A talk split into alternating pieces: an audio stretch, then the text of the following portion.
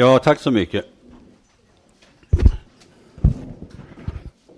Eh, igår så mm, talade jag mycket om samhället, jag talade om psykologi, jag talade om behavioral sciences, vad jag håller på med som religionsvetenskaplig forskare. Idag tänker jag att vi svänger och eh, tar upp teologin. Och eh, bara kort för de som inte var här, det var någon som sa det, att jag kan säga någonting kort. Eh, så att vi sätter in den pastoralteologiska reflektionen i gårdagens resonemang. Igår talade vi ganska mycket om sekulariseringen, den minskade graden av engagemang i de religiösa institutionerna. Do you understand me today? Thank you. Maybe you prefer French? nej, nej, inte Russian. excuse me. Uh, nej, men, um, excuse me. I, I, have, I have just had an interview. We talked English for an hour just now. Uh, so I'm a little bit confused. But, but I'm professor. So I'm, uh, Jo, vad vi talade om igår, det var alltså en del olika saker, men den huvudsakliga poängen det var relationen mellan den sekulariserade, pluralistiska, nihilistiska, narcissistiska borderline-kulturen å ena sidan. A. B. Prästen, den kristne förkunnaren som förvaltare av verbi divini minister. Pratar ni latin här? Ja. Eh, som, som för, eller på grekiska, pharmakon Athanasion. prästen som förvaltare av Guds, alltså det, det heliga eh, läkemedlet, Guds ord. Alltså hur ska man relatera sig till den förvirrade mångfalden som professionell yrkesmänniska? Det ska vi prata om idag. Igår så sa vi bara enkelt så här, äh, vi gjorde någon slags modell här. Att det här är Danmark eller Sverige eller världen. Vi sa att en gång så var det så här, eller länge sedan i alla fall, att Kristus täckte på något sätt. Den kristna texten, Bibel, bibelordet täckte realiteten. Så hade man en andlig upplevelse var den på något sätt färgad av den bibliska föreställningsvärlden. Därför den hade tolkningsprimat. Problemformuleringsprivilege. Eh, den kristna riten var central, nämligen gudstjänsten. Man måste gå i kyrkan. Det var lag på det inte länge sedan det var så här i Nordeuropa, när lutherdomen gick in i ortodoxin och makten och religiositeten fördes samman. Kristen tro täckte så att säga normsystemet, tio Guds bud, Luthers förklaringar till artiklarna, till tio Guds bud exempelvis. Dogmerna var väldigt tydliga kopplade till den kristna traditionen. Man visste vilka som var muslim, förlåt, vilken som var ortodox, vilken som var protestant, Luther var väldigt viktig, anti-Luther, Calvin, alla de här var väldigt viktiga. Därför att den kristna tron var på något sätt a priori ett föreställningsvärld som låg som en eh, realitet i tillvaron. Och eh, upplevelse, det som kallas, jag vet inte vad det heter på danska, upplevelseberättelserna. The narratives. Berättelserna om religiositeten togs huvudsakligen om hand av de som på något sätt hade en relation till den kristna tron. This is gone, alltså det här samhället finns inte kvar. Och eh, det är förändrat på väldigt stort sätt. Och det är en slags challenge för kristna, för kristna aktörer, kristna institutioner, kristna ledare, präster, pastorer att se förändringen när den kristna tron delvis har förts åt sidan som en slags självklarhet. Utan det finns helt andra typer av andligheter. Och i den världen ska man som präst, kristen, verka, så att säga. Va? Så vi sa att vid sidan av det, Eh, det finns en massa diskussioner om det här naturligtvis. Va?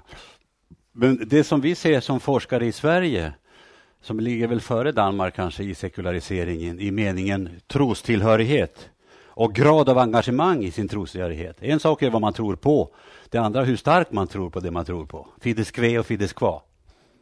Eh, där har vi sett att en upplösning av fides, både fides kve innehållet men också av sättet att förhålla sig till den kristna tron. Så vi studerar just nu det som kallas för believing without belonging. Alltså folk som har mycket stark tro men struntar i kyrkorna, samfunden. och är synkretistiska. Och där Gud framförallt finns inne i människan. Gud är inte en extern aktör, det behövs ingen, ingen inkarnation, det behövs ingen eh, satisfaktion så att säga. Därför Gud är snäll. Excuse me. ja, men det finns en grandiositet, narcissistisk religiositet som är ganska påtaglig. Så när vi ritar ut ett samhälle just nu, när vi funderar, jag jobbar med, tillsammans med sociologer, då, samhällsvetare, så kan vi säga att en sak är att folk lever inne i, i samfunden, kyrkorna så att säga, är aktiva här inne. Va? Det är ju det som vi vanligtvis menar med det. Där man delar samma textväv, Bibeln, samma vad ska man säga, ritualisering, man går i kyrkan, samma dogmer, man är protestant eller annat, man har samma erfarenhetsberättelser, man har samma normer ungefär. Man hör samman i en given institution. Detta kallas för institutionaliserad religion. Och eh, så, sånt finns naturligtvis, självfallet. Och en viss typ av fundamentalism ökar ju, som kommer från höger så att säga. Vissa typer av invandrarsamfund har ju väldigt starkt fundamentalistiska muslimska rörelser. Men den stora tendensen i Nordeuropa generellt är ju det att eh, de, de organiserade, institutionaliserade religionerna eh, minst, marginaliseras, förs bort ifrån den stora arenan, så att säga. Excuse me if I do this is a kind of repetition. Repetitio mater studiorum est. Var det inte så? Gentegelsen, ursäkta mig. Och det andra man kan säga att den mm, marginaliseras så att de minskar. Va? Det betyder inte, och sen ska vi inte säga mer om det här, att, eh, så att andligheten minskar. Religiositeten i organiserad mening tenderar att klinga av. Medan andligheten, eller vad det heter på norska, spiritualiteten, alltså den människans upplevelsevärld i relation till en tänkt realitet som man uppfattar som gudomlig, finns kvar. Den är förmodligen konstant, att man relaterar sig på något sätt. Det vi ser då, och jag tänkte prata om prästens roll i relation till de här rörelserna, så att man kan identifiera folk som simmar. Heter det simmar? Han simmar. Eller hur? folk som simmar utanför öarna här. va? Det finns olika slags religiösa simmare. Alltså som inte är inne i samfunden, inte katoliker, inte protestanter, inte skriver under på Concordieformen. Utan fria. En sån sak är privatreligiösa som säger att jag är religiös på mitt eget sätt. Du får gärna tro på vad du vill, men jag tror på det här. Va? Det räcker för mig. Jag går i kyrkan, jag tänder ett ljus, jag tycker det är underbart att lyssna på Arvo Pärt. Jag åker till TC ibland, jag tycker det är härligt. Men jag tror inte riktigt på den kristna trons innehåll. Excuse me. Den här gruppen är ju provocerande för många människor, för man för snabbt dit i neognosticism. Eller hur? Va? Man har tendenser att kvalificera den här typen av upplevelsevärldar såsom mindre värd. De är, de är labila, de är förvirrade, de är narcissistiska. Alltså att man sätter en teologisk diagnos på dem. Eller jag gör det också, jag. Men vi ser det fenomenologiskt att väldigt många människor har en privat religiös livsuppfattning där man selektivt ur kyrkorna plockar upp någonting som är sant för en själv. Så att säga. Det viktigaste är sant för mig. Det är inte alls viktigt för de här med auktoritet, lydnad, utan kraven är autonomi, frihet, icke binda sig. Va? Jag snackar för fort. Jag ser folk som sover här. Nej, men jag har hypnosutbildning så att... Um, if you do apologize, it's a kind of boring voice. Uh, den här är alltså ganska extremt selektivt, ganska synkretistisk, men hävdar att man är andlig, så att säga, men så att säga, inte kopplad till samfund och vill inte fångas in av dogmatik. Här har vi hela tiden det som kallas för livsfrågor. Det är generellt. Det är existentialfrågorna. Kierkegaard skulle känna igen så här. Va? Alltså frågan om meningen. Finns det någon övergripande intention eller är vi utlämnade i tillvaron? Alltså meningsfrågan, kognitiv mening. Ändligheten, vi måste dö. Tillvaron är på väg åt ett håll. Vi har inte all tid i världen. Livet är på väg ifrån oss. Så meningen, döden, eller heter det ändligheten? Ja, alltså fin finaliteten, så att säga. Som är threat, hot, truelse. Men också naturligtvis det tredje, alltså meningen, ändligheten och finns det en intention eller icke? Alltså är vi utlämnade eller finns det någon som vill oss någonting? Och Den typen av frågor är ju eviga. Vi ser dem flyta upp tydligare nu när svaren delvis har försvunnit undan. Jag jobbar ihop med psykiatriker och medicinare kring det här med att de existentiella frågorna är It's me! Ursäkta. It's the Lord. I'm occupied. Livsfrågan är alltså det som vi äh, äh, äh, mycket kortfattat brukar kalla för de existentiella grundgåtorna. Tidens gång. Finns det någon övergivande kognitiv mening i tillvaron? Tidens gång, döden, meningen och framför allt slumpen, Gud, tillfälligheterna. Alltså finns det någon aktör bortom tillvaron. Och detta är ju slags eviga frågor. De är terapiresistenta. It's not possible to solve with farmakologisk behandling, SSRI-preparat eller ECT. Sitter det, sitter det psykologer här? här har vi gruppen, man kallar bara för new age. Va? Det är ju väldigt old age, men, men eh, till skillnad från de här så är de inte så mycket konfronterade och lånar från de, de etablerade samfunden judendom, kristendom, islam, abrahamitiska religionerna, utan de här kopplar ofta till Bhagavad Gita, till Rigveda, Upanishaderna, taoismen och den indiska filosofin och den eh, konfucianismen, där religiositeten är inte så mycket en tro på en extern realitet, utan möte med en andlig kraft inom oss. Så här är ju ofta Gud en andlig energi, inte en person som man kan interagera med, som intervenerar i tillvaron och vill oss någonting. Här har ni allt från teosofi och antroposofi och yin och yang och jung och knoll och tott. Allt sånt där. Här hade vi gruppen som vi är ganska intresserade av. Folk som är djupt ointresserade av religion. Vilket är provocerande för många, för oss som sysslar med religion. För vi tror ju att alla egentligen ligger vakna på nätterna och längtar efter meningen. Men det är många som har det bra. Vi har upptäckt att folk som har det bra är nästan hotfulla. Va? Har du det bra? Ja. Ja, men vill du inte åka till Provence? Nej, säger de. Vill du inte åka till Phuket? Då? Nej, säger de. Vad vill du göra det? Jag vill åka till Piteå. det är en stad i Sverige. Nej, men folk som är lugna och inte har särskilt hög grad av existentiell eller andlig oro, de, de, de har vi nästan svårt att hantera. Därför att man tror att alla åtminstone med akademiker som sysslar med psykologi, tror man att alla har existentiell ångest. Åtminstone lite Kierkegaard i sig. No, people are happy. Och här har vi då det som jag håller på med rätt mycket, det är religiös fundamentalism.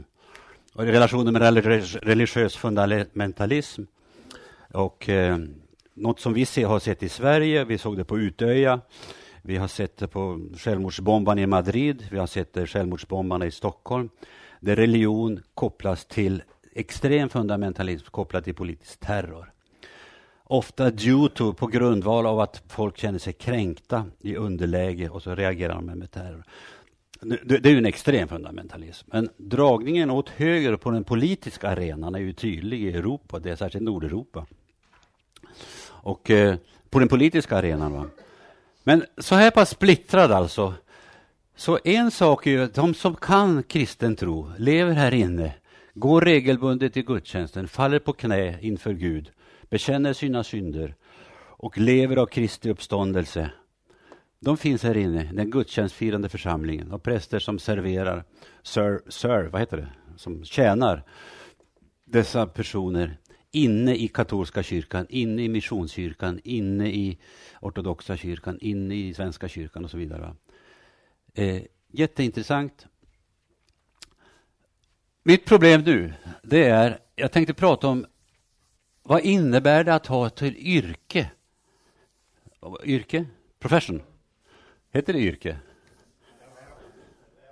Ja, ja. Nu måste jag sätta mig, för det var ett tag sedan jag undervisade just kring prästpsykologi. Fast det är intressant. Jag inbjuds till att träffa alla biskopar i Norden. Det var challenging att prata för dem. Jo, om man, om man tänker på att det här är en slags eh, situation i vilken en, en kyrklig aktör som själv ska tro, eller bör tro, och har en tro och vill föra den vidare. Så kan man diskutera stressorer så heter det på mitt språk, alltså faktorer som bidrar till stressen för en som har som yrke att sprida tro. Det är ett ganska konstigt jobb egentligen. Va? Att ha det som yrke. Va? Eh, det första man brukar tala om det är att förväntans... Nu vet jag inte vad det heter på ett språk. Förväntansprofilen Alltså, the profile of the expectation are very diffuse. Alltså, man har en ganska diffus förväntan på det här. Min fru, hon är läkare. Det är ganska distinkt förväntan när man går till en doktor, vad man ska få så att säga. Eller när man går till en lawyer, eller när man går till en lärare, eller när man går till en bilmekaniker. Men förväntansstrukturen som folk har på en präst har vi sett är väldigt motsägelsefull och mångsidig. Just motsägelsefull, paradoxical, vad heter det? Ja, motsägelsefull och eh, mångsidig. Därför att förväntan på oss som präst, nu pratar jag till präster eller pastorer, till oss är ju från, från kyrkan. Kyrkan väntar, samhället väntar, sjukvården, kollegor, familjer, naturligtvis Gud. Det gör att förväntansprofiler skiljer sig så väldigt mycket från andra yrken. Därför att den innersta arbetsgivaren är hidden, osynlig. Och de flesta ignorerar min högsta arbetsgivare, därför de tror inte. va. Och att ha den, den högste, så att säga, som the basic boss, who called me just for a few minutes ago, det är eh, stressande, så att säga. Därför att det finns påtagliga förväntningar från församlingsbor, från biskopar, från kollegor. Men under det finns denna transcendenta förlängning i. Eh, does it make sense? Uh, över det. Ett. Två. Uh, det är väldigt... Resultaten är svårt, ursäkta, svårt att, vad heter mäta på norska? Måle, vad heter det? Måla, måle. It's hard to define and really find out when you have done a good job. Eh, för, en, för, en, för många andra yrkesgrupper är det väldigt viktigt att kunna ställa en produkt framför sig själv och säga att detta gjorde jag bra, jag är nöjd, jag är glad för detta och det ger mig tillfredsställelse att jag har gjort det här. Medan det finns på något sätt inbyggt, jag vet inte det, heller vad det heter på danska, Jesusordet att ni ska så, men andra ska... Ja. Så det är inbyggt en slags paradox i att vi ska ge på något sätt. Och om vi börjar lägga märke till, kommer det mer folk i kyrkan? Kommer det mindre folk i kyrkan? Blir biskopen glad över mig eller blir han inte det? så att säga? Så är det inte vår uppgift. Därför att en annan är the boss. Men psykologiskt sett är det svårt, därför nästan alla yrken, heter det yrken? Vi kallar det yrken, professions. Eh, bygg, alltså alla yrkestillfredsställelseforskning visar att det är viktigt att kunna sätta upp en produkt, titta på den, lägga den utanför sig själv och vara glad för den. så att säga. Va? Och Detta är så speciellt just i den här jobbet att det är svårt. Tre, det, kan vi kalla för psykologiska kast. Heter det? Man, throw. man kastas mellan olika...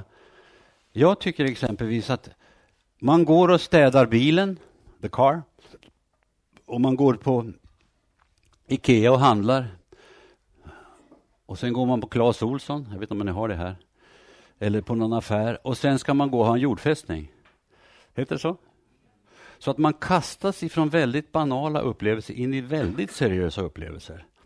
Så på samma dag har man kanske ett samtal med en konfirmandförälder som är förtvivlad över sina barn. Man ska göra ett sjukbesök uppe på sjukhuset. Det ligger någon på palliativa enheten som vill prata med en präst. Och vem är jag? Jag oroar mig för att gå in där, så att säga. Va? Men jag sitter där en stund. Sen på kvällen ska jag möta ett brudpar, heter det så? Som är jättelyckliga, så att säga. Va? Så kasten emotionellt mellan djup seriositet, existentiell engagemang och eh, glädje och så vidare eh, gör det svårt. Det här finns i många yrken naturligtvis, inte minst poliser. Vi jobbar ihop med poliserna för att förstå det här kasten. Men här tycker jag själv som präst och kristen att det är så otroligt viktigt med, nu säger jag något annat här, nämligen altaret. Ett altare, heter det Alltså vikten av att fysiskt gå fram till ett altare, falla på knä, stå kvar där.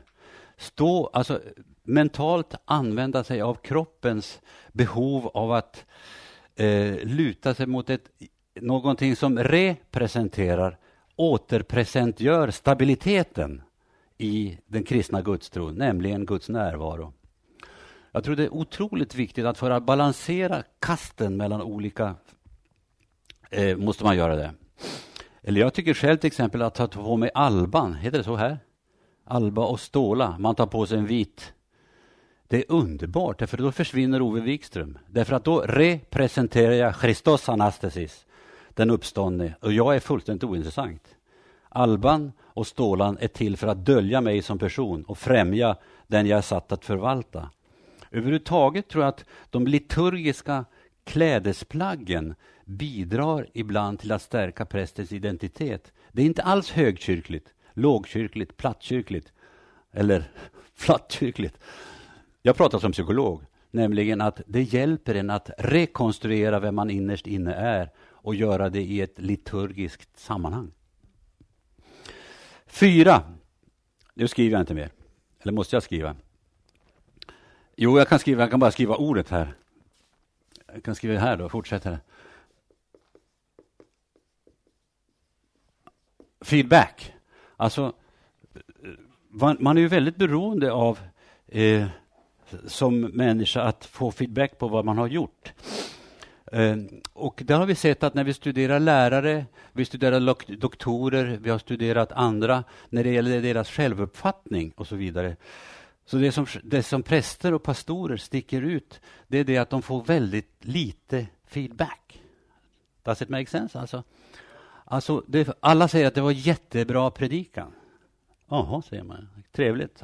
Och så har man jobbat hårt med den här. Eh, eh, men eh, det kan leda till att man liksom blir diffus.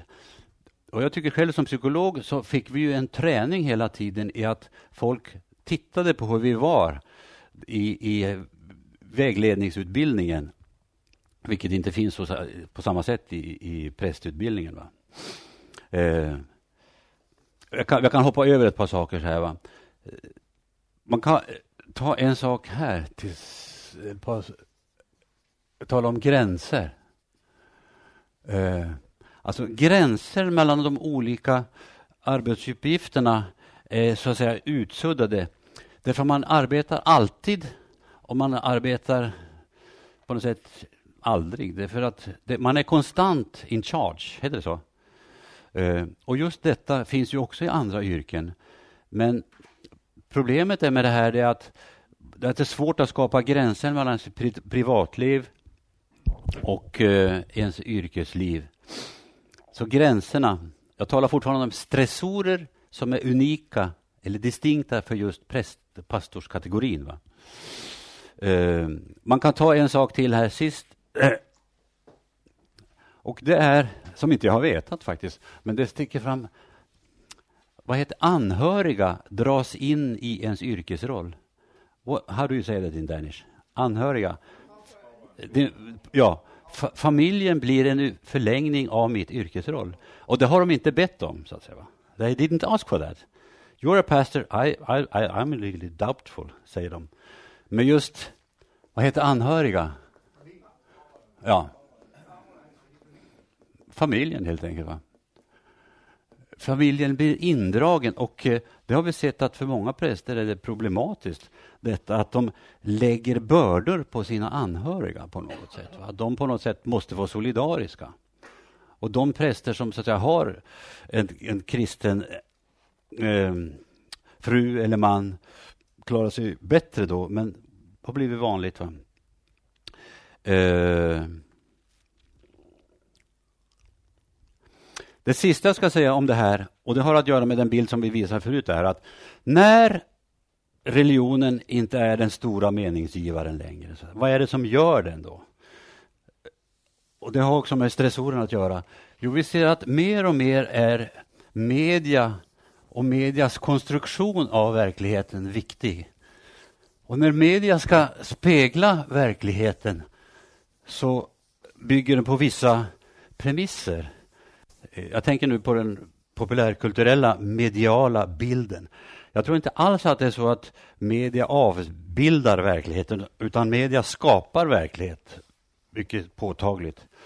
Och då, då ser det ofta med hjälp av polarisering. Eh, det är ofta väldigt svart eller vitt.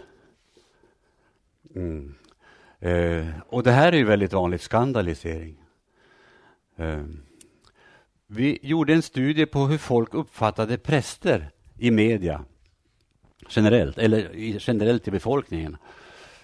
Och såg då att, såg då att väldigt många hade en bild av att präst var moraliserande eller eh, fördömande eller eh, dogmatisk eller eh, icke förmåga till empati och sådana här saker. Och det där har vi sett att det är väldigt mycket en medial konstruktion. Förstår du? Medial, det konstrueras ofta via media en skandaliserad bild av just präster och pastorer. Vi gjorde en studie på, barn, på, på just präster. eh, och det vanligaste svaret var att våran präst är jätte, jättetrevlig. Han är absolut inte som en präst. Och då är man tillbaka till det här att det finns en schablonbild som, som lever i realiteten som eh, man måste gå emot. Så att säga. Nå, om man säger att det här är stressorer då, så kan man ju säga då att det finns olika sätt att förhålla sig till det. Eh, eh, å ena sidan så kan ju yrket vara tveeggat. Att det kan vara så att till slut kan ju vissa människor inte orka med sitt prästyrke eller pastorsroll. Därför att man leder till slags yrkesskador, man, man drar sig undan sitt ansvar. När man, när man har bett och sjungit psalmer 20 gånger samma vecka så är det svårt att vara närvarande. Faktiskt. När man har bett Fader vår fyra gånger samma dag, vad gör det med en själv? så att säga? När man utdelar välsignelsen, men man tänker på bilen som man ska hämta samtidigt. Va? Alltså att umgås med det heliga är farligt om man inte ser upp. Därför att eh, det kan leda till eh, uppgivenhet kanske. Så när börjar rutiner, liturgi övergå till cynism? När börjar tröttheten och axedia, axedia, heter leda, övergå till att förkunnelsen blir utslädad? Så vi har sett att å ena sidan finns det sådana som liksom till slut gör sitt jobb Därför man orkar inte med liksom att finnas i sina ord riktigt starkt. Det andra är ju precis tvärtom. Det är deras stora glädje och tillfredsställelse därför att jag har ett yrke där jag får ge utlopp åt min innersta övertygelse. Jag får tala om det jag älskar Kristus. Jag får gå till den som ingen besöker. Jag får regelbundet vistas i kyrkan, skapa högtid, trösta. Finns det något mer meningsfullt, säger många då. Så de drar åt andra hållet. Så att rollen präst i detta förvirrade samhälle hjälper en att kanalisera ens övertygelse. Men vi har sett att vi kan göra det att när det finns den här schablonbilden av prästen som boring, auktoritär eller menlös eller alltför liberal i Sverige har vi någon som heter pastor Jansson. Han tycker inte någonting om någonting, men han är trevlig. Trevlig, trevlig, trevlig är Herren Gud allsmäktig. Vi kallar honom för pastor Jansson. Va? Nå, om det här är stressorerna då. Om det här är stressorerna så kan man ju säga hur cope, cope hur han, heter, hanterar coping, hur hanterar människan de här stressorerna eh, som kommer utifrån due to en sån här kulturell situation. Och då har vi lekt med en sån här tänkt tankelinje. Det här är en tänkt linje. Där det finns eh, där vi kan rita ut den super, super pastorala personen. 150 procent präst. Va? Och sen har vi den superhumane prästen. Va? Som älskar att vara sedd, spelar gitarr, läser Marcel Proust, tolkar bioannonser och så vidare. Nej, jag skojar. I'm joking. Nej, men om vi kan se på den här och man kan dra en, ett kontinuum. Och då, det här är extremer för att spegla sig själv, var man befinner sig så att säga. På den ena sidan kan man skriva den prästerliga heden eller den, eh, me, och den andra den mer mänskliga heden. Eh, alla, tror jag, präster befinner sig någonstans mitt i de här fältet. Va? Men om, man, om jag över... I, I do exaggerate now. Eh, om jag överdriver så kan man ta den här åt, åt det här hållet, då, vänstra sidan, kan man tänka sig en präst som är väldigt stark i ämbetsteologin, väldigt distinkt kyrkosyn, har en slags objektiv trygghet. Jag är präst därför att jag är präst, jag är vigd. Många av de här som är åt det här hållet fascineras inte sällan av dogmatik, liturgi, kyrkohistoria, ser som sin uppgift att argumentera Kärygmat är det centrala. Jag ska, kärgma, jag sänder någonting, ett budskap. Kärgs, jag är här. Det står i centrum. Ofta upptagen med att det ska vara rätt lära, dogmatiskt riktigt. Uttalas gärna om kyrkans identitet, vad som är rätt eller fel. Kyrkan står på, präst, vad heter det, på fast grund.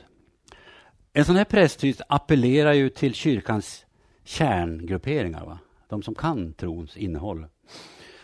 Och han eller hon stärks och får feedback så att säga och blir glad Om, om det är kyrko, vad ska det, kärnan, heter det kärnan? Kärnan inne i, i församlingen som ger dem feedback och är glada. Men känner sig lite mer vilsen om man går utanför ramarna. Så att säga. Så omedvetet väljer en sån superpastoral herde eh, eh, värjer sig på något sätt från ovidkommande krav. Alltså samhällsfrågor lägger inte poäng, poängen är inte det, utan poängen är omvändelse. Rättfärdiggörelse genom tron alena.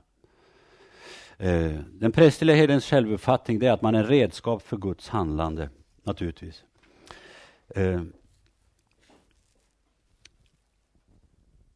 den mänskliga herden, den superhumane, det är en annan sida i ett sånt här kontinuum där ser vi ju ibland att teologistudierna verkar vara ett inträdesbiljett för att man sen ska få göra det man vill. Finns det i Danmark? Nej, jag skojar. I do exaggerate.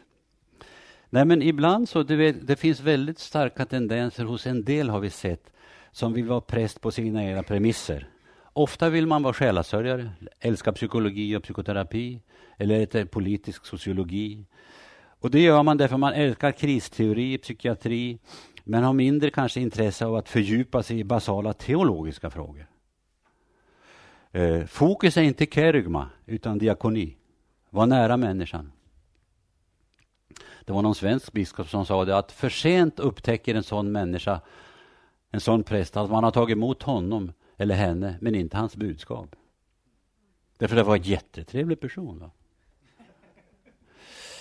Eh, den här mänskliga herdens viktiga referenser, det är inte kyrktrogna, utan det är, det är periferin. Vill gärna synas utanför. Eh, experimentella med nya metoder, att nå ut till den moderna människan. Eh, eh den, den, här, den här superhumane prästen blir lite illa berörd om man blir alltför starkt identifierad med kyrkan. Nej, Jag är så blyg att jag är frälst ungefär. Eh, jag kommer ihåg, eh, ni kan tänka ett sånt här samtal, eller jag har ju varit med om det, det har ni också varit med om. Man sitter på tåget mellan Århus och Köpenhamn, eller vad som helst, och så frågar, man sitter där, inte presskläder. Och så frågar de, vad gör du för någonting då? Gissa, guess. Get, vad heter det? Gissa? Guess. Well, säger de, du, well, du är väl du är väl eh, eh, lärare? Nej, säger man. Ja, men du är väl advokat? Nej. Ja, men du är kanske en intellektuell typ då? Ja, lite grann, säger man. Ja, men vad gör du för någonting? Jo, jag, jag är präst. Åh fan, liksom. Och, och så säger de, jag som har svurit, eller så. Då kommer den moraliserande prästen. Men det finns ett annat sätt att svara. Då, då finns det en sån här, vad gör du för någonting? Du är lärare? Nej. Ja, men du är väl någon slags eh, mekaniker, ingenjör? No, no, no. Vad gör du för någonting? Jo, jag är präst. Och det kunde jag aldrig tro. Då blir den superhumane prästen jätteglad. You see the point? Uh, om den pastorale prästen vill ha någon slags distans till världen för att hålla ihop skarorna, heden, föregår heden med segerns baner, så är den humane prästens problem att hon eller han blir distanslös. Alltså integriteten i ens eget inre är inte så stark. Eh, och det finns det som vi brukar kalla för pleasing personalities som alltid vill vara till lags. Alltså, du är den trevligaste präst jag känner i hela världen. Oh, då blir man jätteglad. Varför det? Därför man får inte respons från andra än sån som förhöjer ens egen grandiosa självupplevelse. Um, så en sån här herde, om vi går åt det där hållet, och de här finns, ja de kanske finns i verkligheten, det, det är en slags eh, prototyper här. Va? Men man, ba, ba, man, man, balanserar så att säga på yttersidan av sitt egentliga uppdrag därför man vill nå de här som rör sig utanför öarna. Så att säga. Men det kan vara tricky. Man kan förlora sig själv och sin egen integritet genom att ständigt eftersträva att vara utanför eh, murarna. Eh, återigen skulle jag vilja säga alla befinner sig naturligtvis nu och då, här och där i de här rörelserna. Va? Men vi kan se det som en slags idealtypiskt sätt att försöka beskriva den pastorala identiteten i en mångkulturell värld. Va? Där en del går åt det här hållet. En del säger nej, vi måste vara fasta i läran. Järnspikar, tydliga, så att säga. gå hitåt. Va? Don't care about vad folk säger. Andra säger nej, vi måste lämna Jerusalem, gå utanför portarna. Gå till de som, är, som ingen bryr sig om, så att säga. Så här är kerygma, där är diakoni. Naturligtvis finns det här hos alla. Va? Men här tror jag att det är intressant att tänka sig prästrollen, så att säga. Att den har lika olika dimensioner. Eh, Um, om vi kallar det bara pas, Oj, förlåt pastoral identitet, så att säga. Att till en slags trygg pastoral identitet i den mångkulturella, förvirrade världen hör ju eh, att man har en slags institutionell tillhörighet, tillhörighet, belonging. Och här ser vi att det finns så många präster och teologer som är djupt skeptiska mot kyrkan och nästan, nästan vad ska vi säga, masochistiskt talar man bara om hur otroligt dålig kyrkan är. Va? Men var går gränsen mellan den goda kritiken och den förödande självupptagna kritiken? Så att säga. Men i, alltså, därför att som präst så re, jag tycker det är så otroligt viktigt det här, både sakramentsteologiskt och generellt psykologiskt. Ordet representera. Som kristen präst så representerar man ju inte bara sig själv, utan man representerar ju Kristi kyrka. Om jag, går, om jag ska försöka sälja Volvo, men så säger man, så säger man att ja, men jag tycker Mercedes är lika bra. Kul, bra, köp Mercedes. Det är inte så bra. Man måste vara solidarisk mot sitt logotyp, sitt varumärke. Eh, så institutionell tillhörighet. Det andra brukar man säga att på, på svenska har vi bara kallat för hantverksmässig. Alltså att man kan, alltså basic i homiletik, basic i själavård, basic i katektik. Det heter väl så här också? Va? De klassiska ämnena. Va? Alltså att man kan något sån här homiletik. Vad, man, vad innebär vad en text? Vad är en tolkning av en text? Och hela den hermeneutiska cirkeln. Att man kan basic i själavårdspsykologi. Man kan det grundläggande i pedagogisk ut, och så vidare. Annars överlever man inte. Eh, sen, det som jag tycker är konstigt, som kommer från psykologibranschen, då, det är ju att, att det finns en personlighetsmässig sida i den pastorala identiteten som har att göra med att man har något sånär begrepp om sin egen personlighet. Vad är man bra på? Vad är man sämre på? Vad är min specifika profil, så att säga, som vår Herre kan utnyttja? Och har tränat sig att iaktta den. I vår psykologutbildning så har vi så där, eh, väldigt många samtal just för att försöka identifiera svaga punkter och så vidare. Jag jobbar mycket i psykiatri i relation till det här one way screen, man får se på sig själv och sånt där. Va? Men jag tycker alltså att bäraren av det, gud, av det gudomliga budskapet bäraren av farmakon athanasion, odödlighetens läkemedel, viva vox, så att säga, är ju färgad av personligheten hos bäraren. Så vissa är extroverta och måste träna sig att se att de är extroverta, utåtriktade och har lätt att få kontakt. Andra är mer stillsamma och får syssla med Johannes av korset, som jag. eller något annat. Va? Men personlighetsmässig identitet, eller delkomponenter i identiteten är... Men nu kommer det som är viktigare, det är teologisk. Jag kallar det bara teologisk komponent, så att säga, identiteten. Nämligen alltså att man överlever inte i det här mångkulturella, pluralistiska, postnarcissistiska samhället som vi lever nu, om man inte har grundläggande kunskap i vanlig teologi, alltså teologihistoria, systematisk reflektion eh, över den kristna trons faktiska innebörd, dogmatik helt enkelt. Va? Och här är vi, är vi i Sverige väldigt dåliga på det här. Va? Den svenska teologutbildningen har blivit väldigt mycket in, in mot livsåskådningar. Man vet allt om marxism och psykoanalys och allt möjligt sånt här. Va? Men ganska diffus i klassisk teologi. Och där är jag jalu, avundsjuk på anglikansk och uh, tysk tradition och så vidare. Och mycket katolsk tradition också. Därför man har med sig en teologisk kunnighet. Så när man talar om en som bara talar om arketyper hela dagarna och har läst Jung, kan Jung fram och baklänges. Jag har, jag har undervisat på Junginstitutet. Jättetrevligt faktiskt, fast de har fel. Men det må ju vara. Nej, för att när man börjar prata med Junginstitutet så kommer man tillbaka till att man måste kunna någonting om gnosticismen, exempelvis. Och så vidare. Men har man inte en teologiskt reflekterad eh, del inom sig själv så tror jag inte man överlever. Det sista här, det skulle jag vilja provocera här lite folk. Det är något annat än den teologiska identiteten. Det är den trosmässiga identiteten. Alltså och med det betyder, alltså i vilken mån har jag som präst och kristen identifierat det som just jag tror på, så att säga. Och som har påverkat min egen religiösa tro.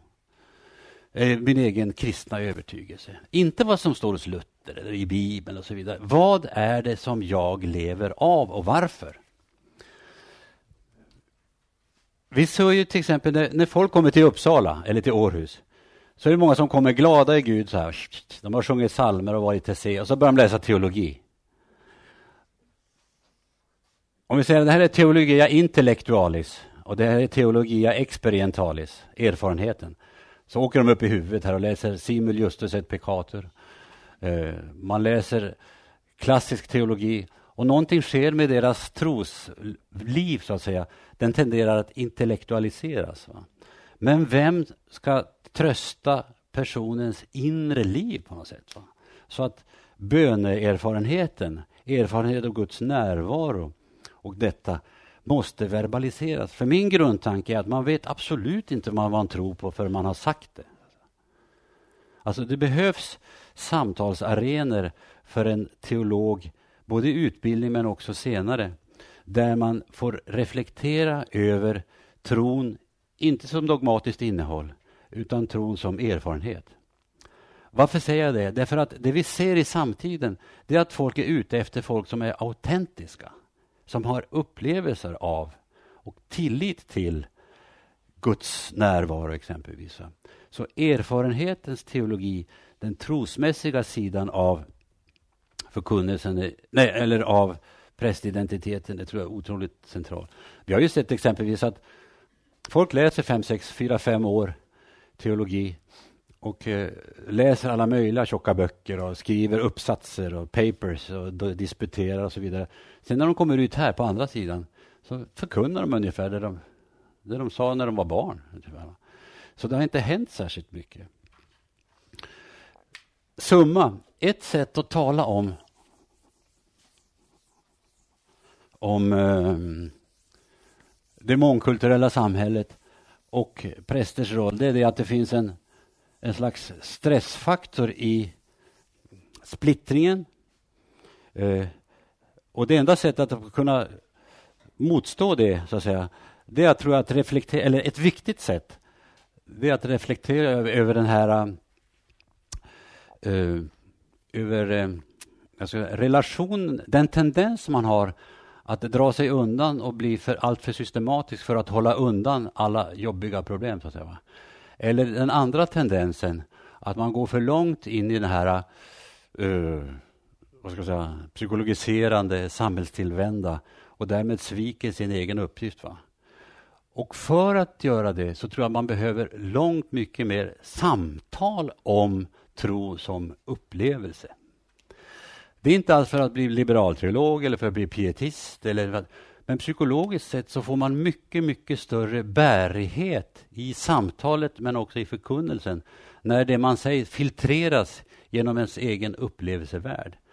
Jag gjorde det med våra studenter här bara för några veckor sedan. Då sa vi det, sätter fyra av fyra. Och de är ju lydiga, de gjorde det. Eh, och så sa vi då att, eller om det var tre och tre. Du frågar den, du frågar den, du frågar den, du frågar den. Och så sa vi, eh, beskriv en viktig eh, gestalt i Bibeln som du ofta återkommer till. Beskriv eh, en person som du har mött som har varit central där du förändrade din tro. Antingen att du började tvivla eller att det hände något annat. Beskriv eh, någon psalmvers exempelvis som har varit central för dig. Och inte bara därför att du tycker det är trevligt och viktigt, utan som du lever av. Och du säger att detta ger jag inte avkall på. Det är otroligt viktigt för mig. Och många av de här studenterna sa, vi har läst teologi i två, tre år nu här. Ingen har frågat oss förut vad vi tror på, så att säga och, och, det tycker jag illustrerar just det här att, att det finns en slags övertro ibland på det intellektuella innehållet i trosförmedlingen, nämligen predikan, jätteviktig, självfallet. All kristen tro går ut på viva vox, göra ordet levande. Men det finns också en sensibilitet gentemot andra människor som ökar när man själv har reflekterat över sin egen tillit eller misstro. Och nu ska det vara paus, förmodar jag. Ska vi ta en liten paus för att eh, vi ska sluta tre? Jag tänkte sen gå över till någonting bara kort och säga eh, två eller tre viktiga motkrafter i samtidskulturen som, som är härliga att berätta om.